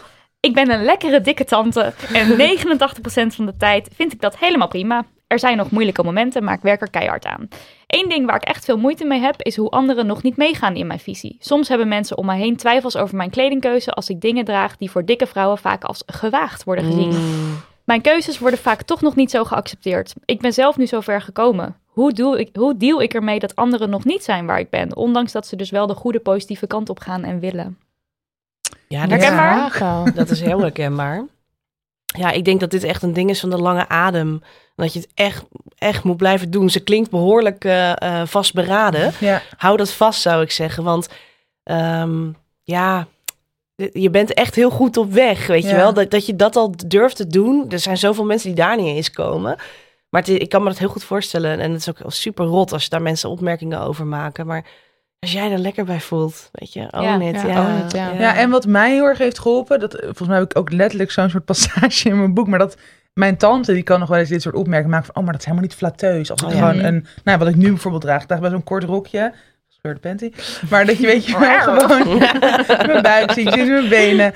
Ehm, zij zou kunnen zeggen, oh ja, ja, dat vind ik niet echt flatteus. En ehm, ja. ook al own je het dan zelf, het kan soms helpen om het uit te spreken van ja, ik vind het echt niet een relaxte opmerking. Ja. of ik Ja. draag gewoon wat ik wil. Ja. Ik heb geen zin om altijd flateus, weet je wel, met te kleden. Ik wil gewoon dragen wat ik leuk vind. Dus dat uitspreken, Mhm. dat heeft voor mij heel erg geholpen. Natuurlijk heb je daar niet altijd zin in, of misschien ben je nog niet zo ver. Tuurlijk kun je eigen tempo doen, Ja, maar dan kom je ook voor jezelf op en dan, dan ga je het nog meer ownen. Dat is dus mijn ervaring.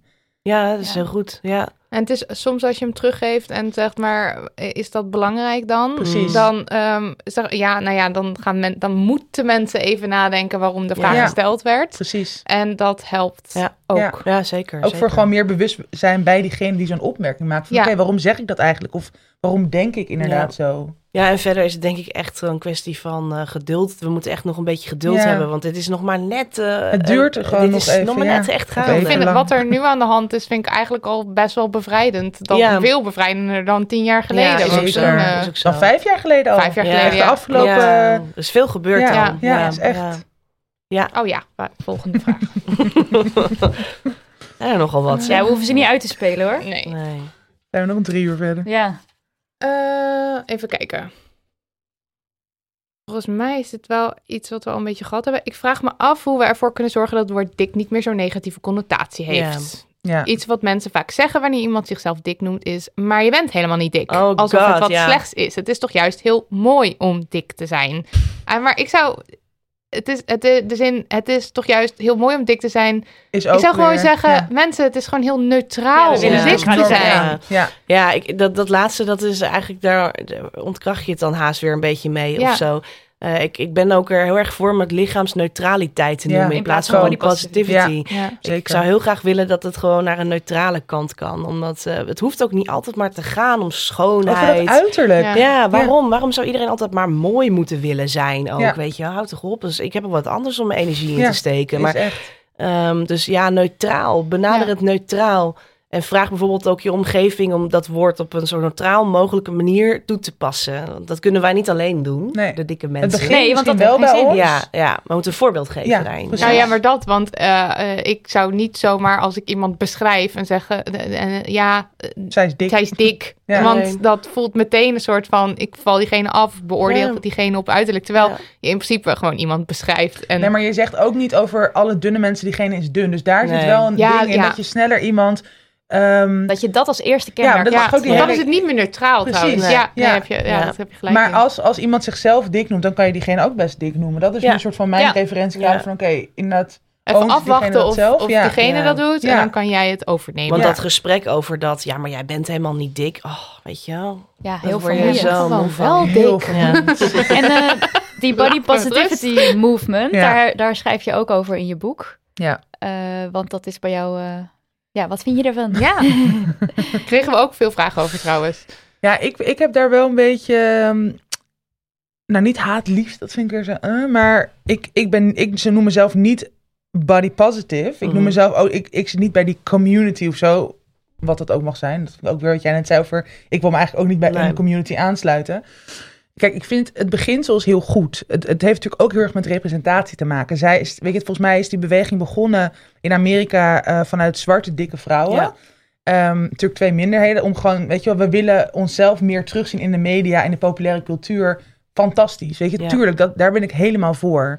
Maar de body positivity movement gaat ook heel erg over dat uiterlijk, Ja. over die schoonheid, over ja, maar dikke vrouwen kunnen ook mooi zijn en sexy zijn. En dan zie je ook heel vaak dat de aanhangers daarvoor, nou, bijvoorbeeld een Ashley Graham, love haar, Mm. maar zij is wel ook het westerse schoonheidsideaal Ja, Gewoon de representeert zij. Ja. Alleen ze heeft inderdaad Ja. iets meer curves, maar wel, weet je, dus dat, dat is een beetje, dat vind ik lastig. En ik ben ook heel erg inderdaad wat Merel net zegt over die ehm, eh, body of die lichaamsneutraliteit. Mhm. Want dan gaat het ook veel meer om wat kan je lichaam aan? Want weet je, dat, wat je gewoon verder ook nog bent als mens. En wat je doet en wat je lichaam dus kan. En niet alleen hoe je eruit ziet.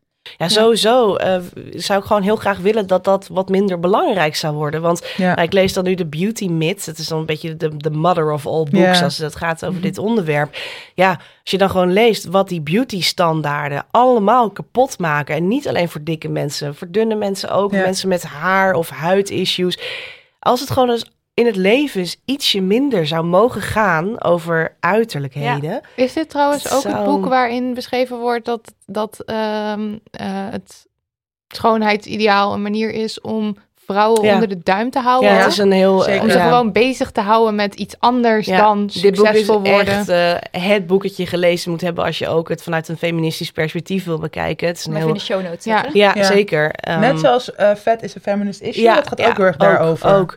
Ehm, want dat is, het is zo. Het onderdrukt je echt. En, en ik, ik zou denk ik wel durven zeggen, zeker een vrouw. Ja. Want het, ja, het lijkt Ja, er het altijd is dus maar zo over te moeten gaan. Ook als je dus niet dik bent, ben je bezig met ik moet niet dik worden. Ja, Precies. Want dat is nog Ja, even de andere kant op. Ja, ja. Het is natuurlijk voor heel veel vrouwen gewoon Ja. een issue. Ja. Een angst of Nou ja, een angst en- waar je gewoon ja. mee bezig bent. Dan Ja, gaat het over dus dik worden inderdaad. Maar het kan ook zijn, ik moet Ja, geen maar slechte ook- huid krijgen. Precies, Of ik ja. moet geen lelijk haar of grijs worden. Of ik moet Ik ook vooral niet altijd oud worden. Ja. Ik mag Geen niet oud rimpels. Worden. Ik mag Ja. niet grijs en Ja. oud. En Ik las ja, er laatst een ja. quote over van op het moment dat we met, met alle vrouwen zouden besluiten, oké, nu gaan we gewoon houden van ons lichaam, moet dit klaar. Hoeveel Ja. industrieën dan wel niet gewoon gaan. failliet Het lijkt me zo heerlijk om dat Ja. te zien. Ja. Dat het allemaal instort. Ja. Oké, eh, ja, ik denk dat we moeten afsluiten of niet. Ja. Ik wil dat helemaal niet. Nee. dat is te leuk. Ik kan nog uren over doorpraten. Misschien moeten we gewoon door. Ja, Maar eh, dan luistert niemand meer. Nee. nee, iedereen haakt Stay with af. us. Ja. Ehm, ja, nee, eh, ga, ga alsjeblieft dat boek lezen, luisteraars. Ja. Knap Sluit je aan bij dikke vinger. Ja, ook. Mocht je dat fijn vinden en eh, ga deze vrouwen ook volgen op Instagram of Twitter zitten ze allebei. En allebei geloof ik gewoon onder jullie volledige naam, Ja, toch? ja. Ed Jana Almouli en Ed Merel Wildschut. Ja, klopt. Met een T op het eind.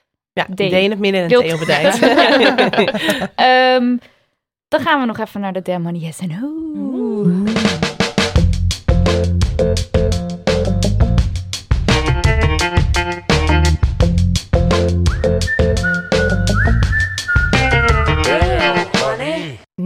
Kom maar door met de ellende.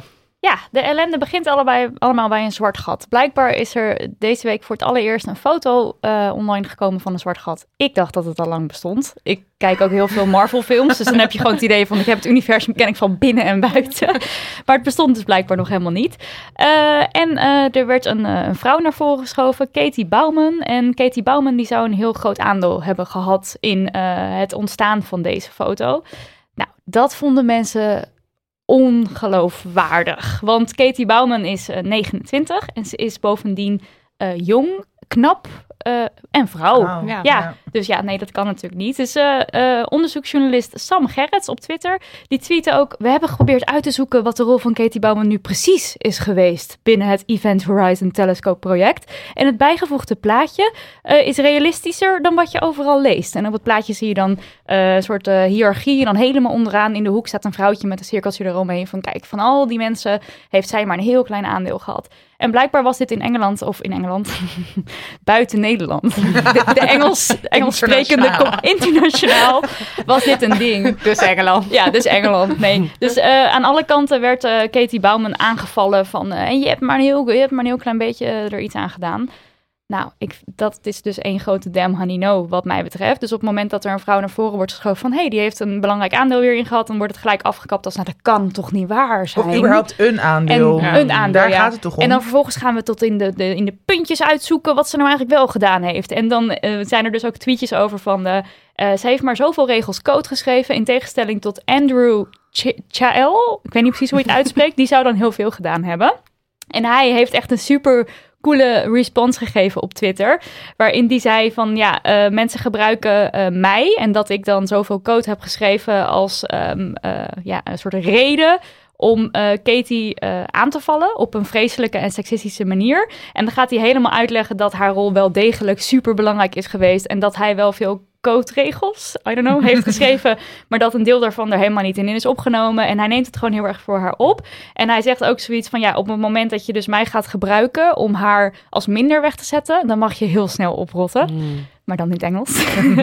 en ik vond, dat vond ik gewoon heel erg cool dat hij het zo voor haar opneemt. Maar het bewijst gewoon zo weer hoe we dan met z'n allen in een soort frenzy schieten. Van oké, het kan niet waar zijn, we gaan het uitzoeken. Terwijl wanneer wordt dit ooit uitgezocht op het moment Bij dat er een man. naar Ja, voren wordt anders zou toch heel? Twitter vol staan met zulke soort diagrammen. Ja, van we eh, gaan het helemaal tot in de puntjes. Ja, het is echt belachelijk. En het deed me ook weer heel erg denken aan Johan van Bommel. Oh, ja. Dat is de muziekrecensent eh, waarvan we ooit een stukje hebben voorgelezen... die een concert van Merel had afgebrand. En die zei ook van ja, het kan niet dat mensen hier zijn omdat, omdat het goed is... maar het is omdat zij knap is. Ja. Precies die redenatie weer, maar nu dan over een mega intelligente vrouw... die gewoon mede een algoritme in elkaar heeft ge- knalt. Of ik weet niet precies wat ze gedaan heeft. maar ja, Maar nou, iets goeds, het heeft gewoon bijgedragen. Daar gaat het om. Ja, en zij heeft ook nooit zelf gezegd van ik heb dit in mijn eentje gedaan. Nee. Ook in haar eigen post zegt ze ook van mede dankzij eh, al die andere. Dus ze heeft ook nooit die plek geclaimd. Nou ja, bleh. Bij deze is dat dan nu een, eh, een Van Bommeltje. Een Van Bommeltje. ja. Het was weer een Van Bommeltje. Door naar de yes. Eh, ja, de yes. Ehm, de yes is, of zijn, het zijn twee vrouwen, de sekszusjes. Yes! Ja. I love it. Het was, ik wist al dat het zou komen. En ik dacht, ik, ga het in, ik wou het in het voorbijgaan een beetje kijken. Ik was me klaar aan het maken voor een feestje. Een beetje opmaken, bla bla bla bla. En ik zette dat aan op de achtergrond. En ik op een gegeven moment, ik weet niet wanneer het gebeurd was, maar op kwam weer bij bewustzijn en ik stond een soort van hinnekend voor de, voor de, voor de laptop. Ik vond het zo leuk. Het was echt zo... Nou, dus, Wat nou, is het? Het, zijn, of het is een eh, vijfdelige webserie eh, van de VPRO. Goeie vraag, Nidia. Ehm, voor eh 16 plus. En eh, de serie bestaat om seks en je lichaam bespreekbaar te maken. Het zijn twee zusjes. Ze heten Marcella en Christa. En in eh, de eerste twee afleveringen zijn nu te zien. Ik heb alleen de eerste gezien en daarin gaat het over de vorm van je kutje. We gaan ons eigen kutje kleien vandaag. We hebben dus hieronder hebben we dus een, allebei een eh, spiegeltje. Ik vond wel altijd zelf dat als je dan bijvoorbeeld in het biologielokaal zo'n anatomie, zeg maar zo'n anatomiemodel van een kut zag, dat zag er eigenlijk nooit echt uit zoals die van mij eruit ziet. Nee? Nee, want dan had je altijd, dan waren die lippen altijd zo super rond. En, dan, en die binnenste schaamlippen zijn ook altijd kleiner dan de buitenste op die modellen. Ja. En dan denk ik, hoe bij jou is. Nee, wel zijn ze allebei groter dan de buitenste. Ja. Het is voor het eerst dat ik naar jou kijk. Ja. Heb je nog nooit gespiekt? Nee. Oh, ik heb wel naar jou gespiekt. Wanneer dan? Ja, gewoon als je staat te douchen.